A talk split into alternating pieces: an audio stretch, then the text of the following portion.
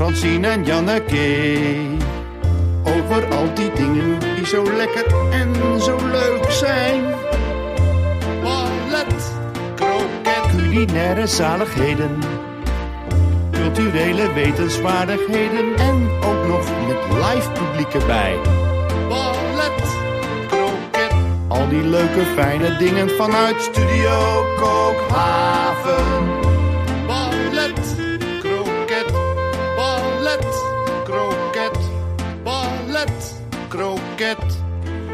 Welkom, lieve luisteraars thuis, onderweg of waar je ook bent als je naar ons luistert. En welkom, lieve live luisteraars, hier in Studio Kookhaven.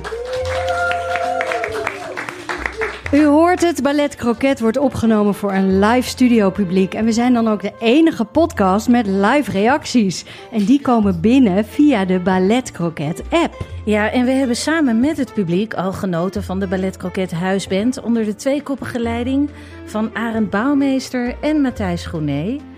Eh, ja, want die geven ons altijd een klein privéconcertje voordat de opname begint. Dat is iets heel bijzonders. Francine, het is aflevering 10 van Ballet Croquet. Ineens zitten we hier met laptops, knipperende lampjes, schuiven, kabels. Wat is gebeurd? Ja, het groeit ons nu al boven het hoofd. Kleine podcasts worden groot. Oh my god. We gaan het hebben over dingen die het leven leuk en lekker maken, waarmee je het leven kunt vieren, versieren en verdiepen. Wij doen daar al 25 jaar onderzoek naar, Janneke. We kennen elkaar van ons werk op redacties voor Kunststof en Mandjaren op Radio 1. En wat blijkt? Al die onderwerpen kun je plaatsen op de lijn van ballet tot kroket. Janneke, waar zit jij vanavond op die lijn? Ja, ik heb, ik heb weken op ballet gezeten, maar ik zit echt weer lekker op kroket. Ik zit op een hele goede kroket. Echt Hmm, een lekkere een goede gelukte kroket. Ja, Krokant, krokant. eh, heet van binnen. beetje vet. zacht. Beetje vet. Mm. Ja, perfecte kroket. Maar waar zit jij? Eh, ik denk dat dit. Ja, ik zit weer in balans. Ja, Oh, het wordt bijna saai, maar het is en ballet en kroket. Het was gewoon een hele afwisselende week. Nou, het is ja. voor mij altijd heel goed als jij lekker in balans bent. Dus ehm, We beginnen. We beginnen in de keuken. Vandaag staat daar Bettina Loze van Bettina Bakt. Welkom. Dankjewel. Ehm, geboren in Den Haag.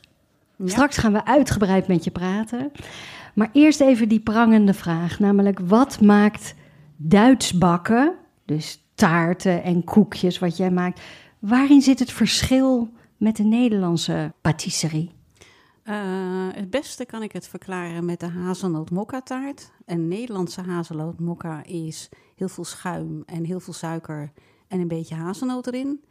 En de mijne is vol met hazelnoot en je aftronk is ook hazelnoot. Maar de suiker is er om de hazelnoot eh, echt tot zijn volle bloei te laten komen.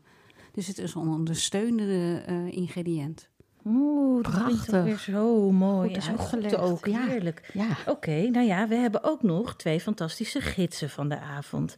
En dat zijn mensen die voor ons het culinaire en culturele landschap helemaal afgrazen en vertellen over wat zij daar deze week uit willen lichten. Bart Prinsen, jij werkt bij de NTR. Kan je een kleine tip geven van een klein tipje van de sluier oplichten over wat jij meeneemt voor ons Nou, ik, vanavond? ik was een beetje in een filosofische bui en eh, Oh ja. toen kwam ik al heel snel bij Nietzsche uit. Maar ik heb besloten, dat gaan we niet doen. We gaan geen Nietzsche doen. Ach, deze keer niet. Dus een keertje niet. Nee. Oké, nee, is prima. Janneke, Janneke, hoe vaak kom jij bij Nietzsche uit? Nee, Bart, ik, niet, ik nooit. Maar Bart kan hem niet tegenkomen of hij, heeft, hij is weer bij Nietzsche. Ja, maar vandaag niet bij Nietzsche. Maar wel in de buurt, zou ik Ah, dat is nooit ver weg, hè? Nietzsche is nooit ver weg, mensen.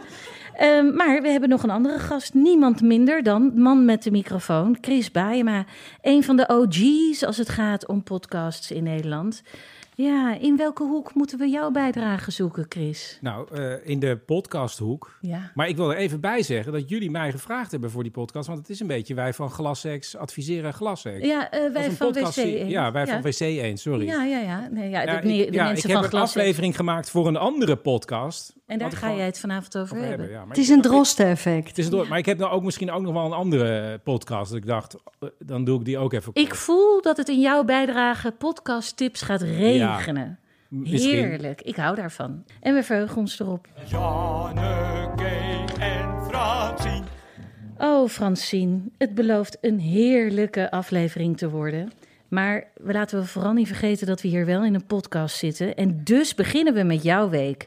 Wat heb je gezien, gedaan, gehoord, geproefd? Ik heb de hele week van alles gezien, gedaan, gehoord en geproefd. Maar vanmiddag, terwijl iedereen op een terrasje zat, zat ik heerlijk in de bioscoop. Ja. En daar zag ik een geweldige film. En die heet Veilre en Meuren. Oh, oh, en dat oh. is een Deense film. En hij is ondertiteld mensen, dus iedereen kan er naartoe.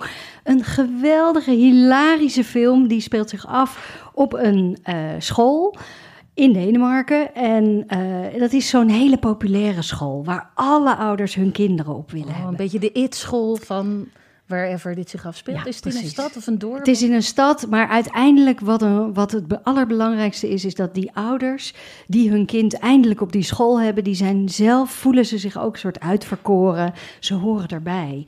Wat ze dan wel op hun bordje hebben, is dat ze het jaarlijkse schoolkamp moeten organiseren. Oei. En dat is een schoolkamp waar ze met ouders en kinderen naartoe gaan. Eh, heb je Vesten gezien? Ik heb Vesten gezien en, en dat valt allemaal al niet mee. Maar ik ken ook de wereld van het schoolplein als ouder. Precies. Nou, die Ja, twee daar kan gemixt. Vesten nog een Dat puntje aan zuigen. Maar die twee gemixt, dat zit in deze film. Ouders die liederlijk dronken worden aan het kampvuur.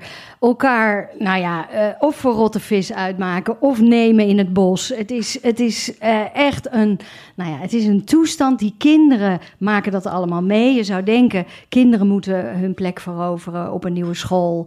Het gaat hier heel erg over de ouders. En wat die allemaal doen om binnen de rangorde van die ouders ja, bovenaan te staan. nou ja, Oh, oh, oh. het is eh, de vierde film van Paprika. Paprika Steen. Zij is een actrice. Zij zit ook in heel veel van die Thomas Winterberg films. Eh, een geweldige actrice, maar zij blijkt... Nou ja, ik, vind, ik wil die andere films nu ook zien, want het is... eh, ja, dit is gewoon eh, al het gruwelijke en het vrede van vestenachtige films zit erin. Maar met een lichtheid die ook doet denken aan de luizenmoeder. Dus je gaat er heel makkelijk in mee. Maar het heeft een soort, ja, een soort vrede onderlaag. Nou ja, die Denen kunnen natuurlijk Denen. geweldige Oh, films maken. Denen kunnen echt dingen. Het is, En ik ben eh, ook zo blij als jij naar iets Deens gaat, want dan ga je daarna weer Deens tegen mij praten. Wat wil je horen? Oh, Oh, ja, ja. Eh, Er zat één woord in. Ik heb een tijdje in Denemarken gewoond, mensen. Ik zal het even zeggen. Eh, dus Deens, dat blijft een soort grote liefde, die taal. Hier zat een woord in. Eén meisje heeft haar vader zo dronken zien worden bij, eh, bij het kampvuur. En dan zegt ze, die was pisse oelekkerd.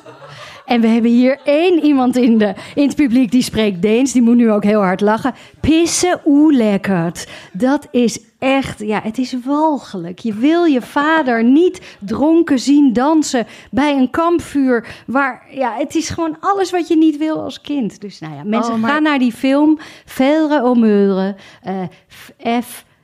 Eh, F-E-A-D-R-E en M en zo'n gekke O. D-R-E. Ja. Nee. Meuren. Oh, jij gaat het nu nog een Ik keer heb zeggen. lingo nu hoor. Ik heb, Ja. ik heb het gepakt. Maar ehm hij is in het hele land te zien. Van, van, van Apeldoorn tot Groningen tot eh, Middelburg. Zoek het allemaal maar op. Op filmladder.nl. Filmladder. Ja, heel goed, Janneke. Je leert het. Wat lag er op jouw bord? Oh, ja, daar ligt dus die heel goed gebakken kroket. Nou. Ja, oké. Ehm, luister. Je hebt series waarvan je denkt, is niks voor jou, Janneke. En dat is vaak als het een beetje gewelddadig is, een beetje spannend. Dat hoef ik allemaal niet. Ik, ik heb liever dat alles een beetje goed gaat in een serie. Maar ik ben dus nu, contrekeur, toch in iets beland. De serie Hijack. Nou, je weet het al, gaat Kaping. over een kaping. Je zit in een vliegtuig de hele serie lang met, de, met die kapers, alles erbij. Maar weet je met wie je daar zit? Een hele lekkere vent. Zo kijk je erbij. Nou, met een. Ik, ik kijk natuurlijk alleen maar naar kwaliteit, maar naar een heel erg goede acteur, Idris Elba. ah. Ja, en ja, oké, hij ziet er ook goed uit, maar het is vooral dat acteren van hem is fenomenaal. En eh, je zit dus met hem in een groot vliegtuig. Hij is passagier. Hij is passagier. eh, je hebt hem eerst, je volgt de hele tijd hem. Eh, het is ook zo'n serie die, net als misschien ken je nog het begin van de serie 24. Ja? Iedere aflevering bij deze serie is één uur. En dat is ook real-time Ja. verteltijd van het verhaal. Dus je zit het eerste uur van de vlucht waarin je zit. Ja, en dan maak je... Het is dus een setting in zo'n vliegtuig met 200 passagiers. Het is een beetje Agatha Christie-achtig. Want je leert dus ook een klein beetje al die mensen kennen, weet je wel. Hoe irritant ze zich al gedragen eh, bij het riemen vastgebeuren. En dan heb je eh, kinderen die aan het jengelen zijn. Dan zit er weer iemand naast die daarover gaat klagen of te... eh, Maar ben je, ben je bang met ze? Nee, maar wat er wel gebeurt, en dat vind ik altijd zo omineus. eh Idris Elba is de ene laatste passagier die door, de, weet je wel, door, de, door dat poortje gaat waar die grondstewardess staat. En dan gaat hij die, die, eh, die, die gang in naar het vliegtuig. En dan komt er nog iemand aanrennen. En die mag van de grondstewardess eigenlijk niet erin. En dan zegt hij tegen, tegen ach joh, doe niet zo moeilijk, laat hem gewoon binnen. Oeh.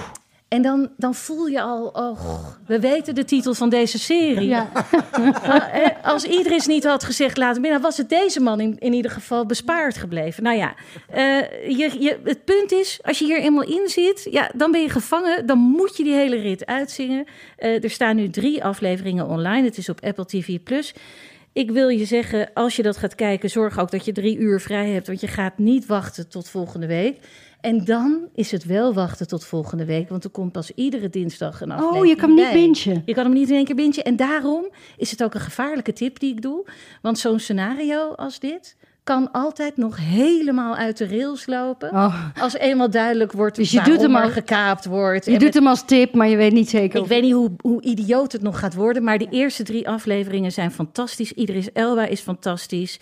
Eh, ja, Heerlijk. je hebt bijna zoiets. Ik wil ook in dat vliegtuig zitten. Ja. We gaan kijken. Heel erg. Hijack op Apple TV, TV. Plus. Wat komt nu? Wat komt nu?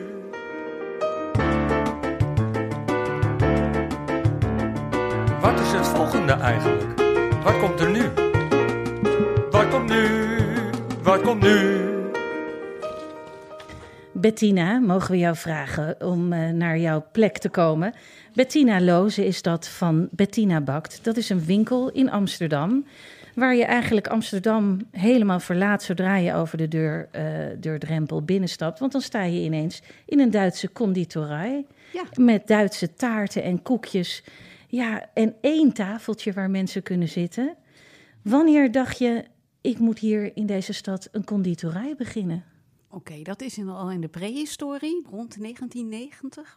eh, dacht ik van, goh, ik zou wel een kleine conditorij in Amsterdam willen hebben. Oh, maar toen deed je dat nog lang niet. Nee, ik werkte toen op een sociale werkplaats met mensen met een verstandelijke beperking. En toen dacht ik, oh, wat zou het eigenlijk mooi zijn om... Ik bakte ook al graag toen. En toen dacht ik van, god, deze mensen zitten echt ver weg van de rest van de maatschappij. Toen, tegenwoordig wordt er meer geïntegreerd. Toen dacht ik, nou, waarom zou ik niet eigenlijk met een aantal mensen met een verstandelijke beperking in een bakkerij eh, werken? En toen de tijd was het nog moeilijk, want je moest een diploma hebben. En toen heb ik dat verschoven en ik heb gewoon gewerkt. En eigenlijk heel veel verschillende baantjes gehad in de zorg en met mensen met een beperking gewerkt. En ehm, eh, toen kwam er een dag dat ik dacht, Nu kan het. nu kan het. Nu is het Eigenlijk bij de zoveelste reorganisatie in de zorg dacht ik, Weg. ja, maar wat wil, ik, hier. wat wil ik nu zelf eigenlijk? Als Ja. ik nou zelf iets mag veranderen, wat dan? En toen dacht ik, nou ja, hmm, Die conditorij, die die, conditorij. moet er komen. En waarom, waarom moest het een conditorij worden? Eh, Waarom dat Duitse?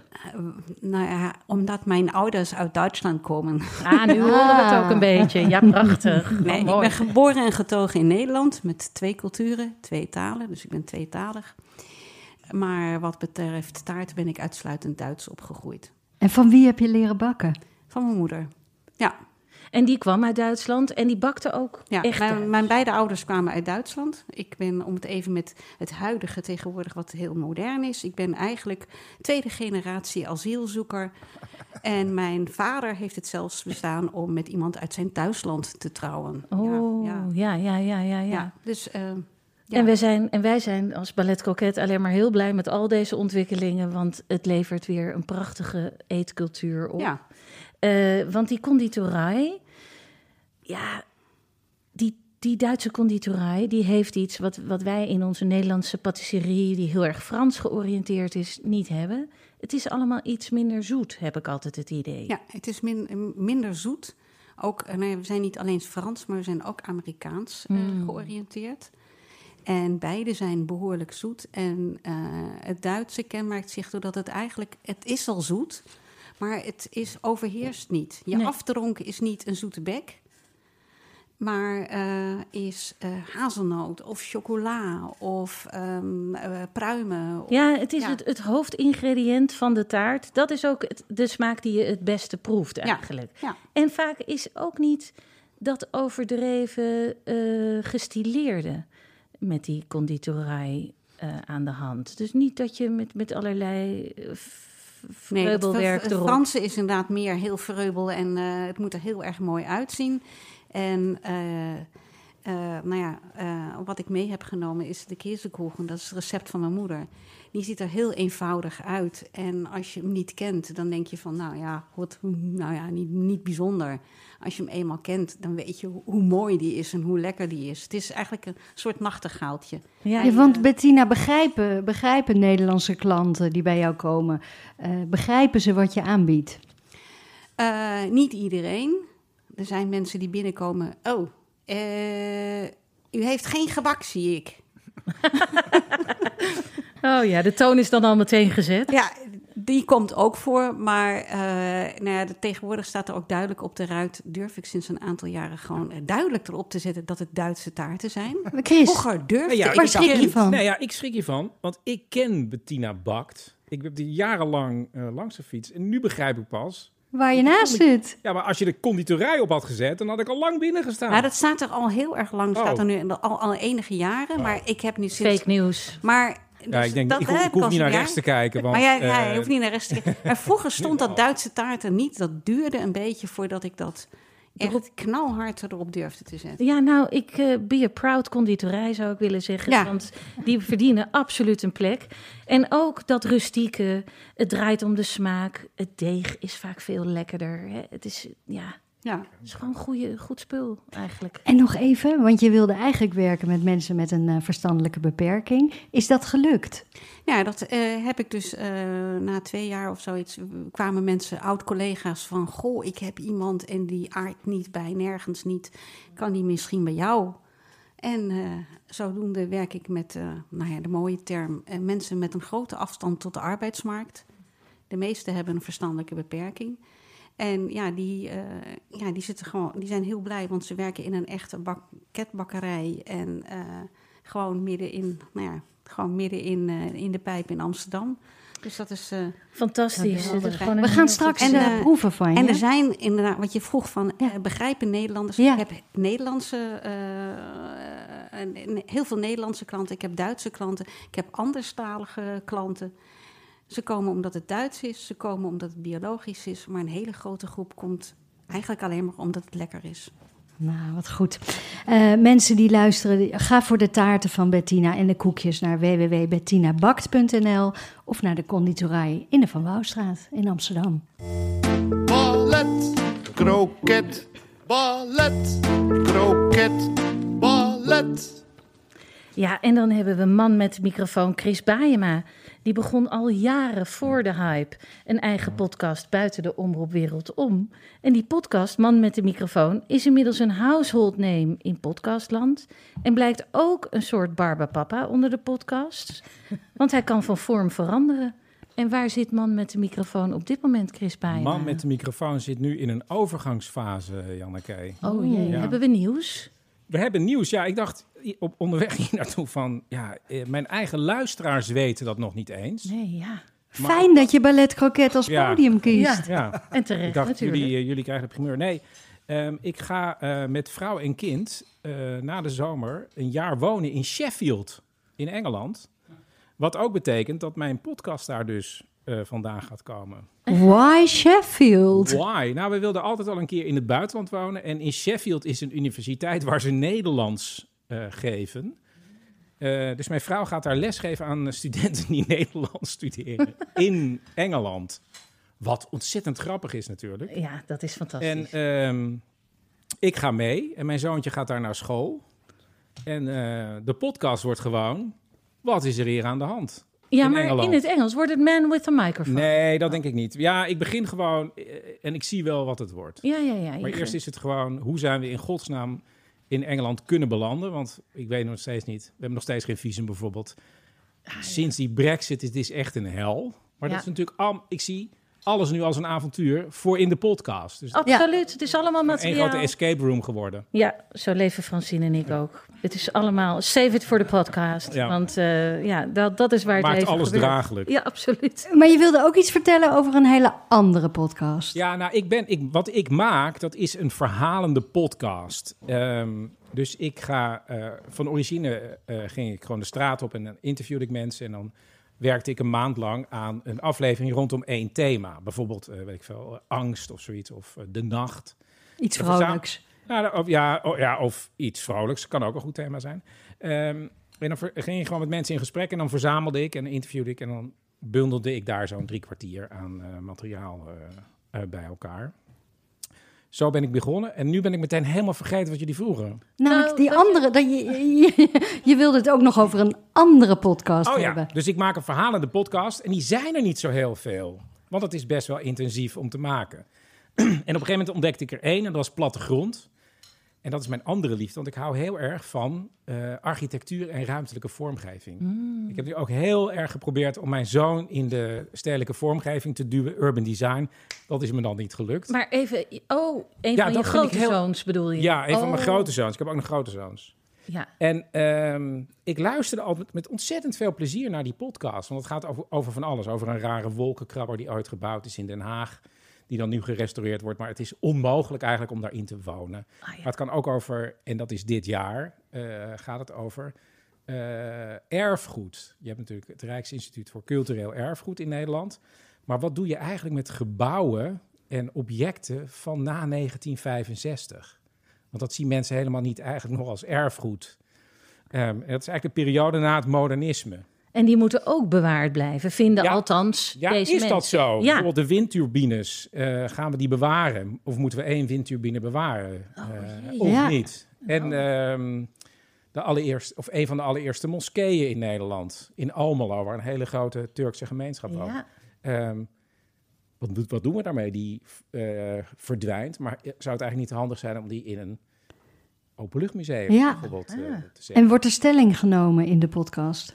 Nee, nee, nee. Er wordt gewoon van alles eh, belicht. En de vraag wordt wel gesteld: ja, is dit erfgoed of niet? Ja. ja, want het is eigenlijk nog te vroeg om te stellen dat het erfgoed is. Nou ja, maar als ja, je het nu niet behoudt, is het verdwenen. ja, dus er is een projectgroep binnen, de, eh, binnen dat cultureel erfgoed.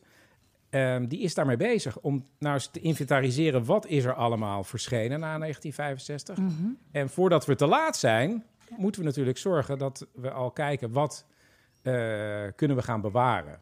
ja. En ik luisterde dit seizoen naar de eerste aflevering, vond ik alweer meteen fantastisch. Dat ging over een bruut gebouw. Dus een heel erg... eh, Uit het brutalisme. Ja, uit het beton. beton. Dus een heel groot beton. Dat is een, eh, een stadhuis in Terneuzen. Nou, mensen vinden dat verschrikkelijk om naar te kijken. Het is echt een soort ufo die geland is.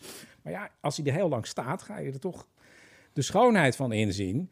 Dus nu wordt het gewoon eigenlijk min of meer omarmd door de mensen in Terneuzen. En in die aflevering is bijvoorbeeld ook iemand die dat eh, heeft omarmd en t-shirts eh, uitbrengt met dat Enorme eh, stad. stadhuis erop. Ja.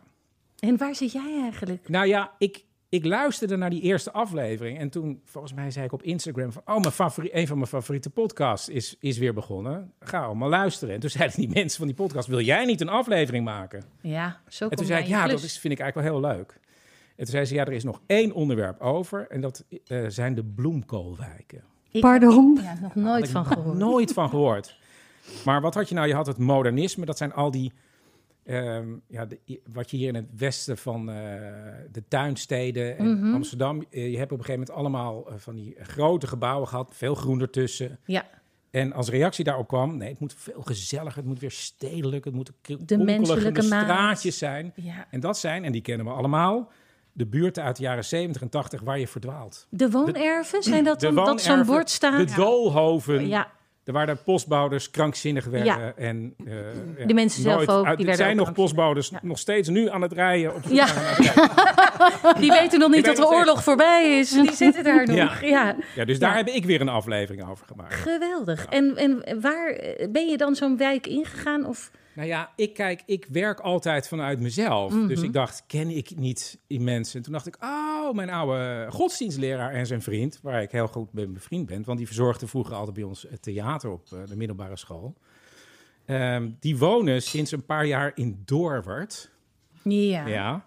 En ehm, in Gelderland. En daar is ook zo'n wijkje. Dat heet dan de clusterwoningen.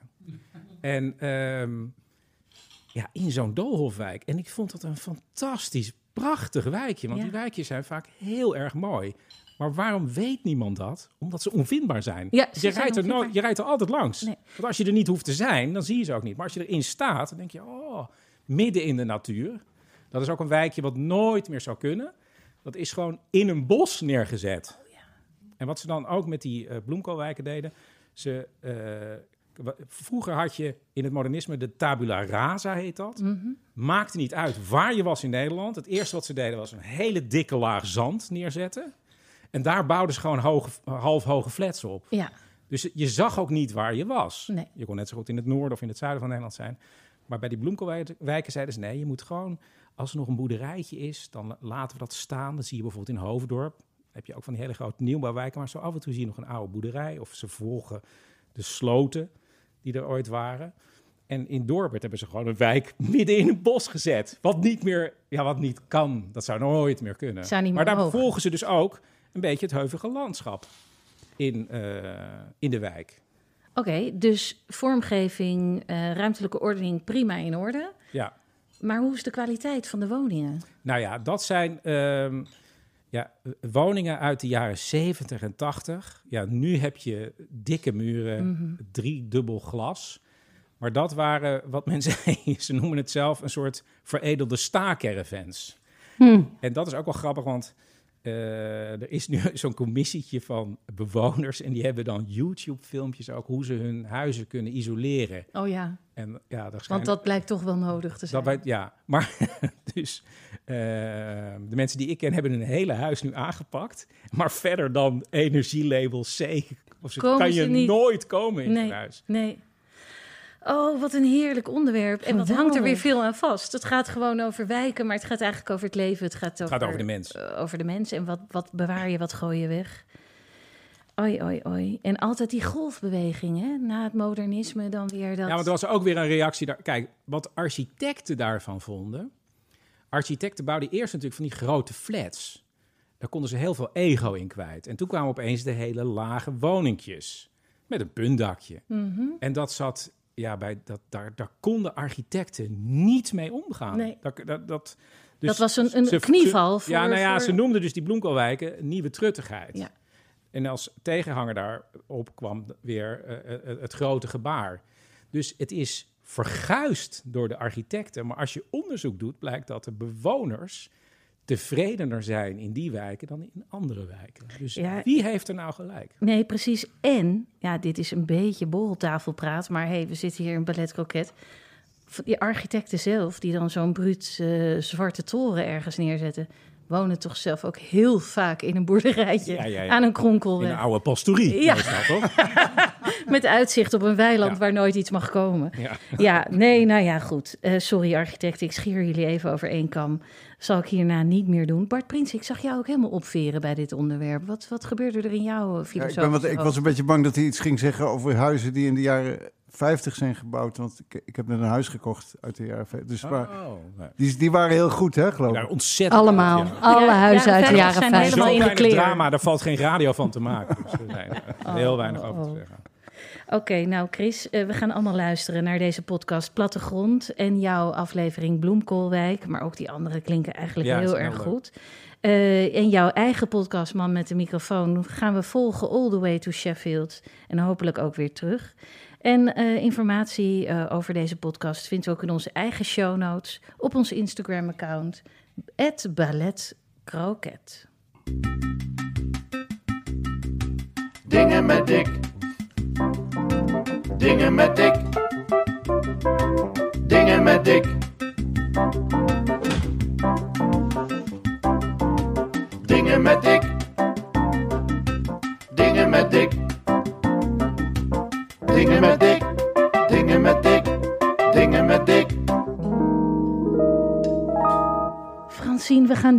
Met Dick, maar dan zonder Dick. Dat is altijd, ja, extra special, zou ik willen zeggen. De muizen mogen nu op tafel komen dansen. Er ligt hier al een hond te slapen. Dus wat dat betreft gaat het helemaal goed. Ja, dit is de reclame-rubriek. Normaal gesproken Hier wordt het geld verdiend. erbij.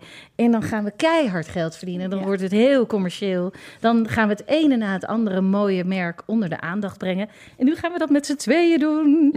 Hermit Gin, dat is ons eerste merk dat we mogen promoten. Je hoort mij al eh, nippen van mijn glas. Ik eh, sta bekend als eh, liefhebber van doorzichtige drankjes. Ja, ook water. Ja. Maar ook jenever en wodka en aquavit en deze gin. Nou, En en gin. Deze, maar deze gin is, zo else. lekker. Ja, dit is echt wat. Hij is zacht. Hij, ja, het is, volgens mij moet je niet zeggen zacht, maar mild. Nou ja, hij is vooral, weet je, normaal gesproken als je een gin eh, opentrekt, dan, dan begin je al te denken van, oh god, wat ga ik hier allemaal bij gooien om het nog een beetje potabele te houden. Maar dit is gewoon eh, op zichzelf al lekker. En dan hebben wij van Lone Palsen, de kok die uit het noorden kwam, de perfect serve Ja. gekregen. Met een stukje zeekraal erin. Met een ondergaande zon. Dus In dat is een stukje een, eh, grapefruit. Ja, Dat is zo gesneden en in het glas gelegd dat het een ondergaande zon lijkt. Nou ja, ik ben terug in de zee. ik ben ook terug in de zee. Hoor je die zee? Waar kwam dat water ook weer vandaan? Eh, ja, Gemaakt van? Wordt gemaakt met bronwater vanuit onder de Oosterschelde. Ja, met iets met zandlagen en daar dan weer onder. Ja, Dick Ik kan vind, je daarover proeft dat. vertellen. Ongelooflijk. Heerlijk. Trouwens, over Dick gesproken. Hij is er nu niet bij. Hij is eh, van het leven aan het genieten op een andere plek.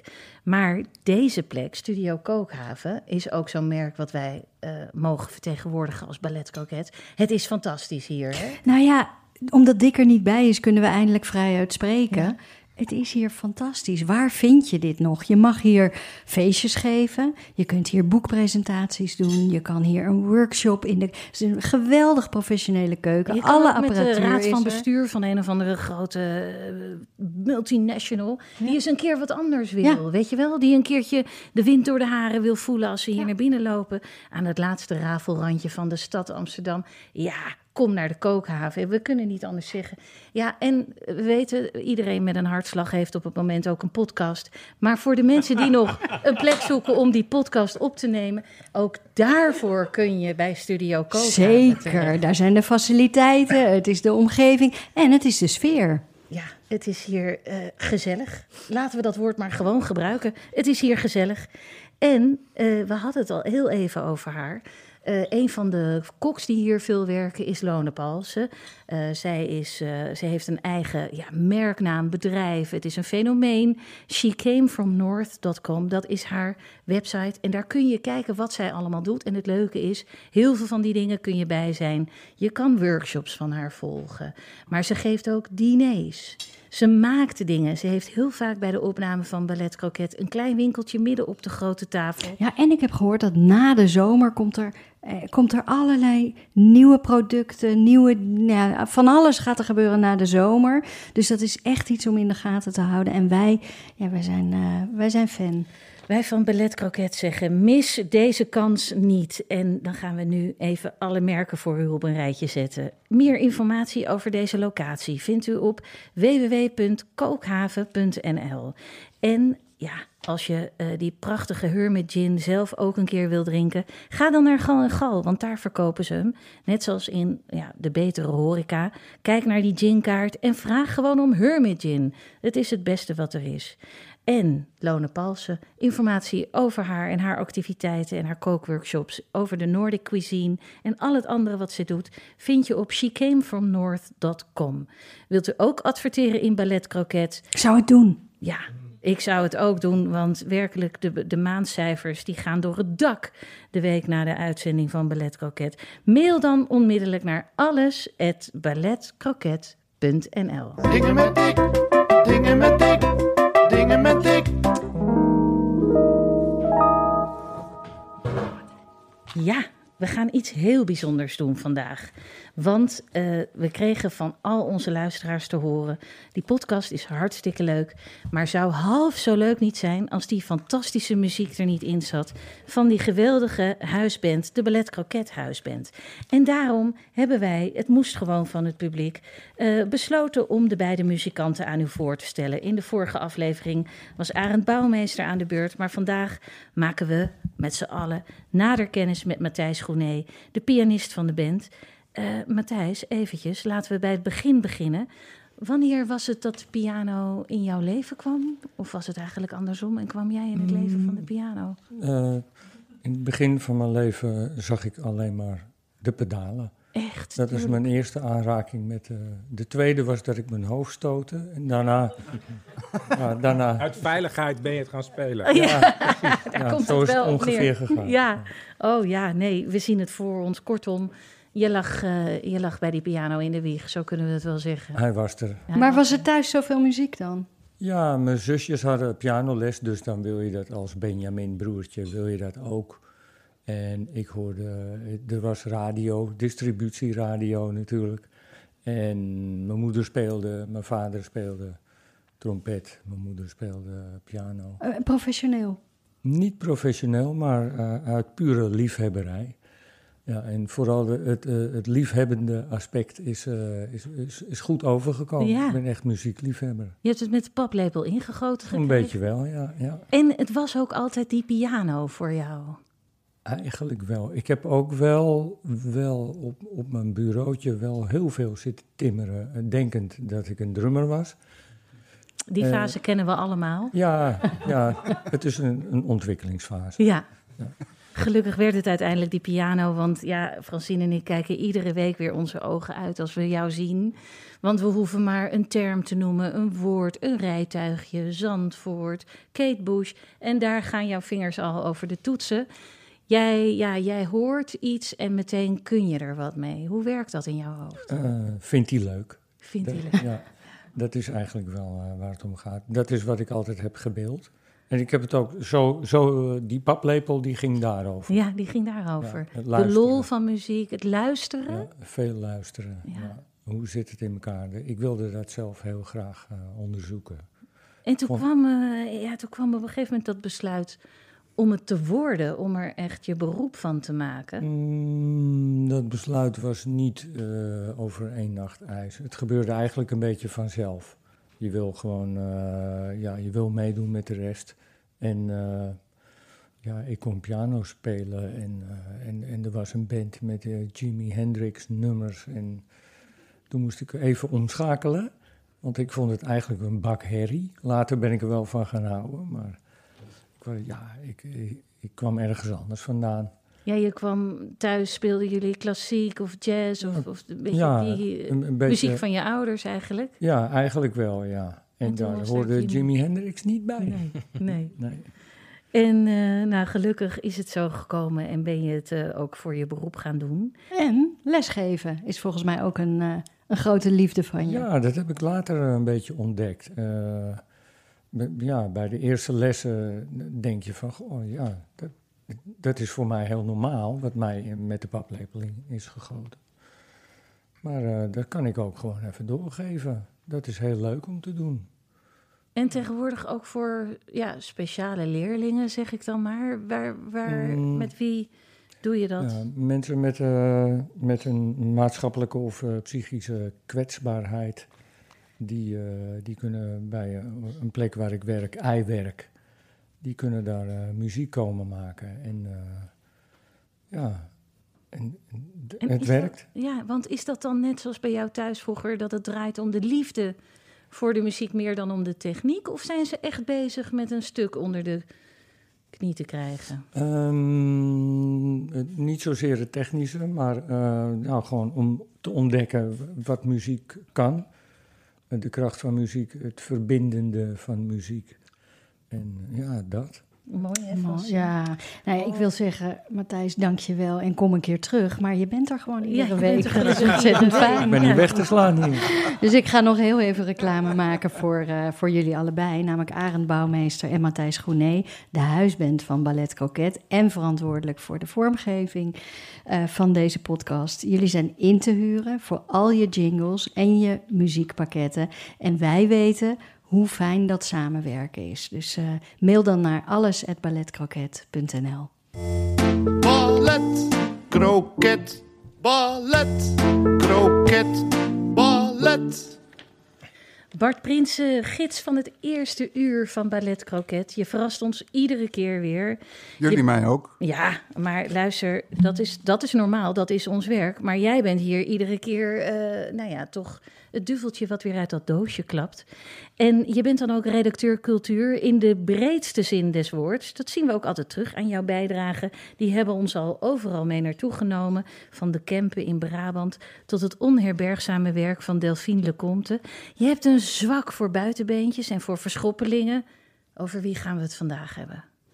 Nou, het, eh, ik, ik moet een beetje af en toe wat oplezen, want het, het, het, het komt heel precies. Ehm, het begint met een krantenkop. We ontkomen niet aan het niets. Vandaar dat ik daar straks over Nietzsche begon. Ja. Dit was de kop boven een artikel over kunstenaar Marnix Sixma. Leuk altijd, een naam met twee x'en. En inderdaad, op Sixma's eerste grote expositie in een bekendere galerie hing helemaal niets. Behalve een bordje met de tekst: Gelieve het werk niet aan te raken. Heel grappig. Zelf zat hij tijdens de opening in een naburig café koffie te drinken. En kwamen er op zijn telefoon allemaal appjes binnen van: hé, hey, waar is het nou? En waar ben jij? En eh, zitten we hier wel goed? Is het volgende week? Nou ja.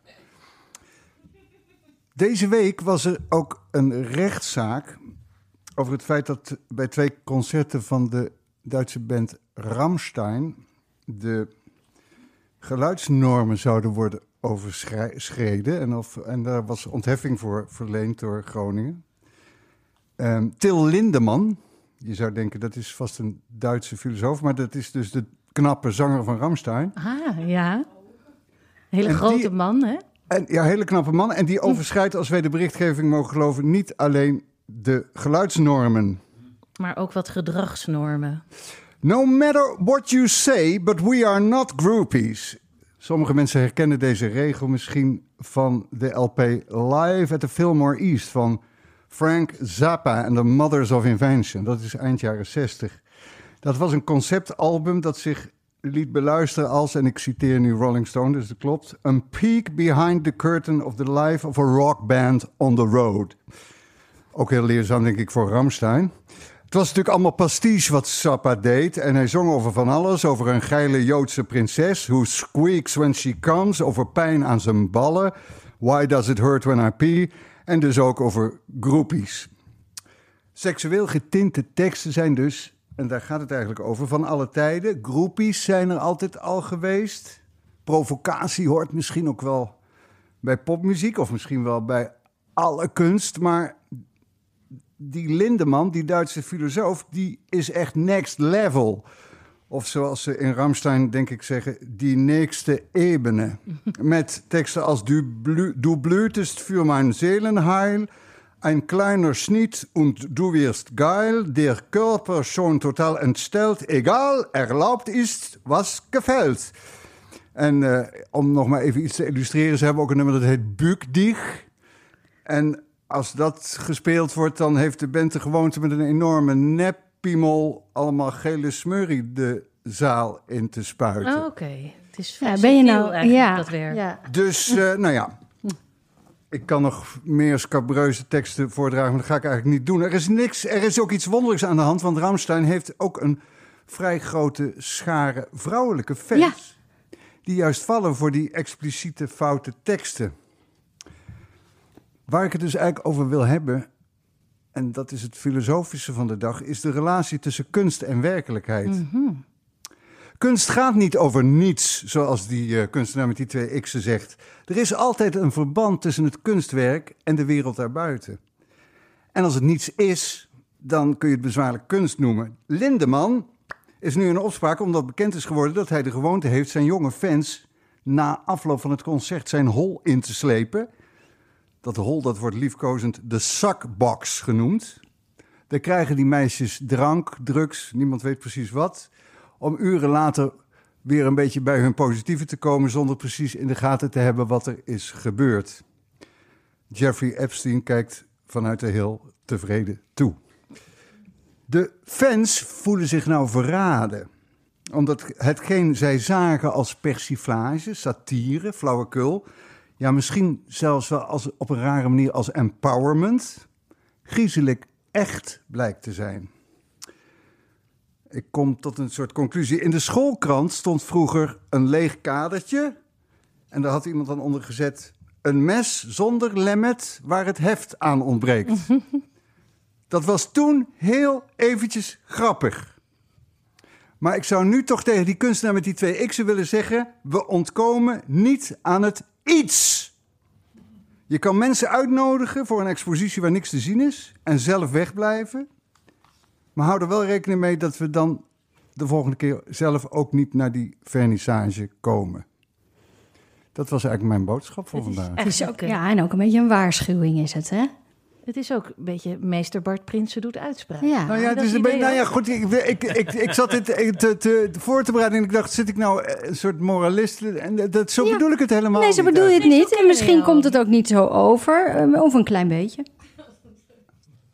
Maar dat mag. Oké, dank. Maar of het, of het allemaal ging over dingen die het leven fijn en aangenaam maken. Nee, maar dat- wel verdiepen. Ja, dat is zeker zo. Want ik ben gaan nadenken. We zijn me toch een pijloze diepte En Ramstein treedt vanavond gewoon op in Groningen. Ja, dus, eh, en eh Ramstein, Groningen is dan wel voorbij als Ja, mensen oh ja, natuurlijk. deze podcast horen. Maar ze kunnen wel naar Hongarije, Duitsland.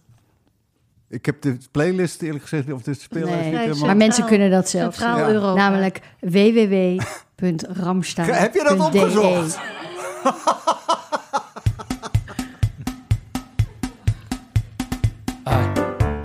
Wie is de kok? Laat mij eens spreken met de chef. Ai. Waar is de kok gebleven, chef? Ai. Waar ben je nu? Laat mij eens spreken met de chef. Ai. Wie is de kok? Ai. Wie is de kok? Ai. Gelukkig is er een kok, maar de kok is geen kok, maar een bakker. Namelijk Bettina Loze. Eh, ja, want eh, we dachten, nadat we al dat moois hebben gehoord... over hoe dat allemaal gekomen is met die conditorij van jou... eh, zit het hem natuurlijk in het eten. Hè? Ja, Dat gaan we nu doen. En jij hebt ons iets prachtigs Ik heb voorgezet. het al op. Een mooi, ja, Chris al Bijema, Chris Bijema die vertrekt naar Engeland. Dus die denkt, ik neem het alvast. Alles is meegenomen. Ja. Ja. pakken wat je pakken kunt, want ze hebben daar helemaal niks.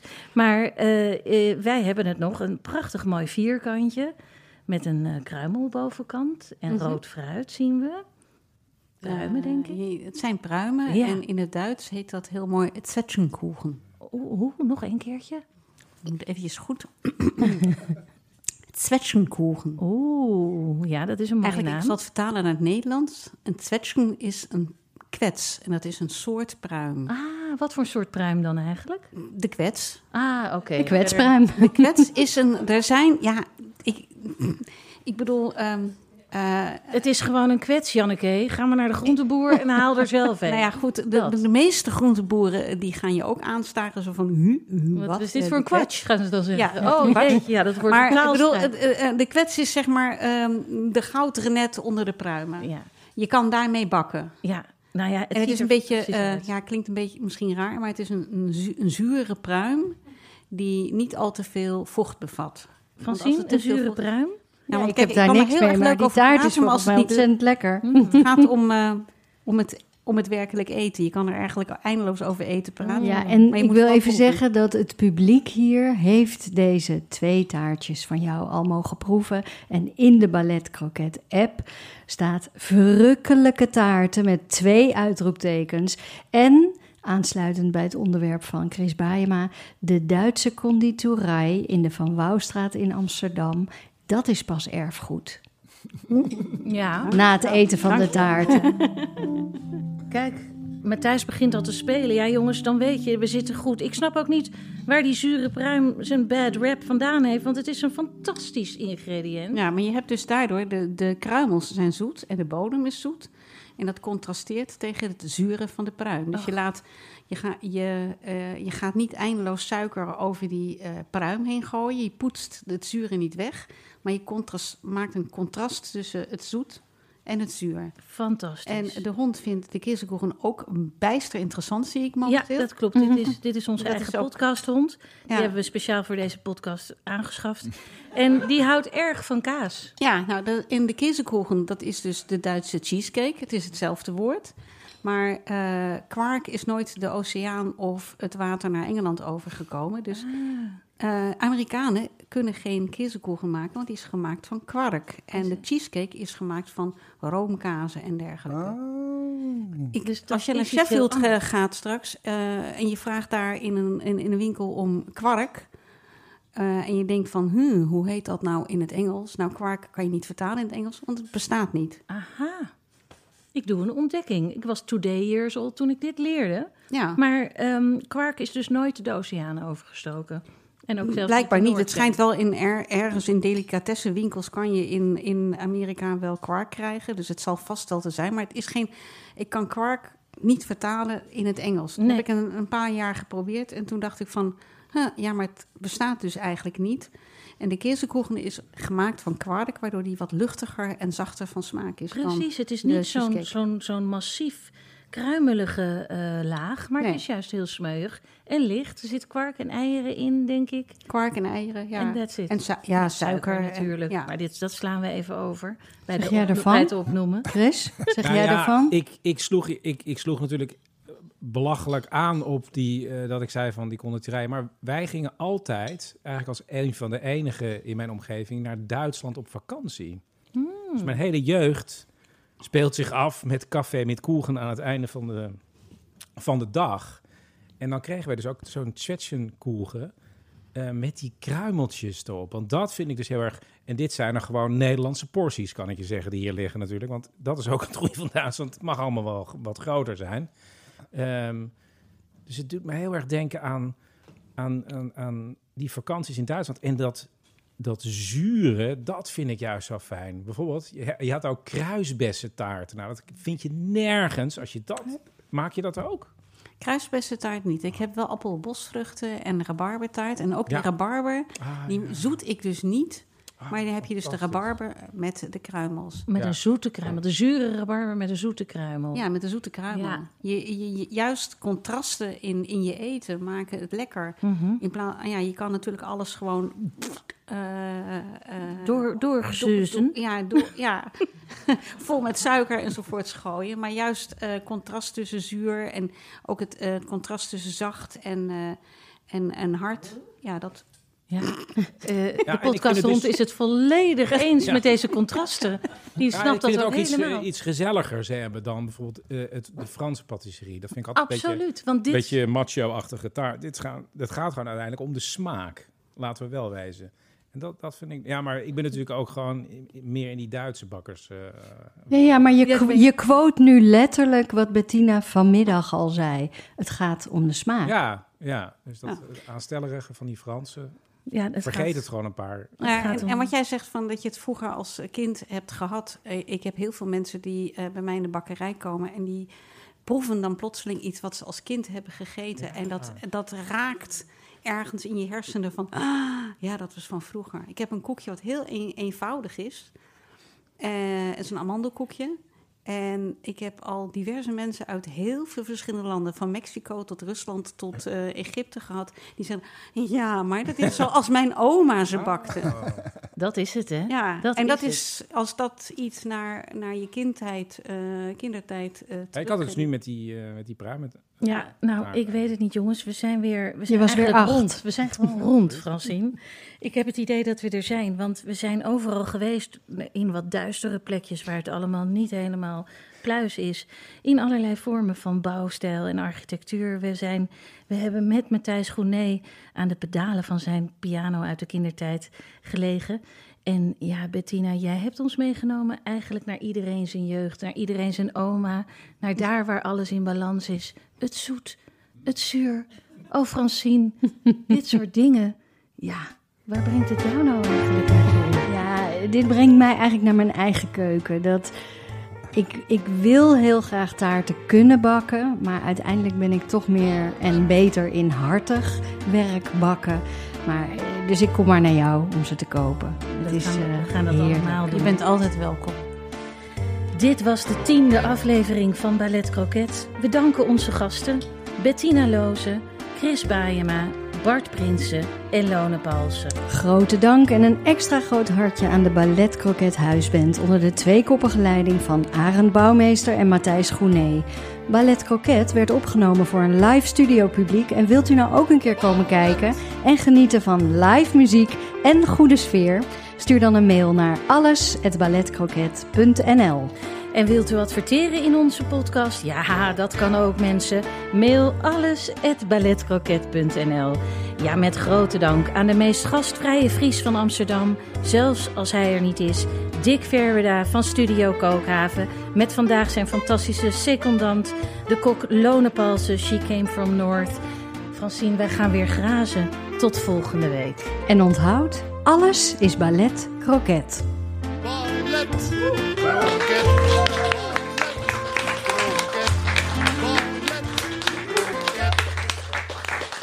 Zo, nu een kroket.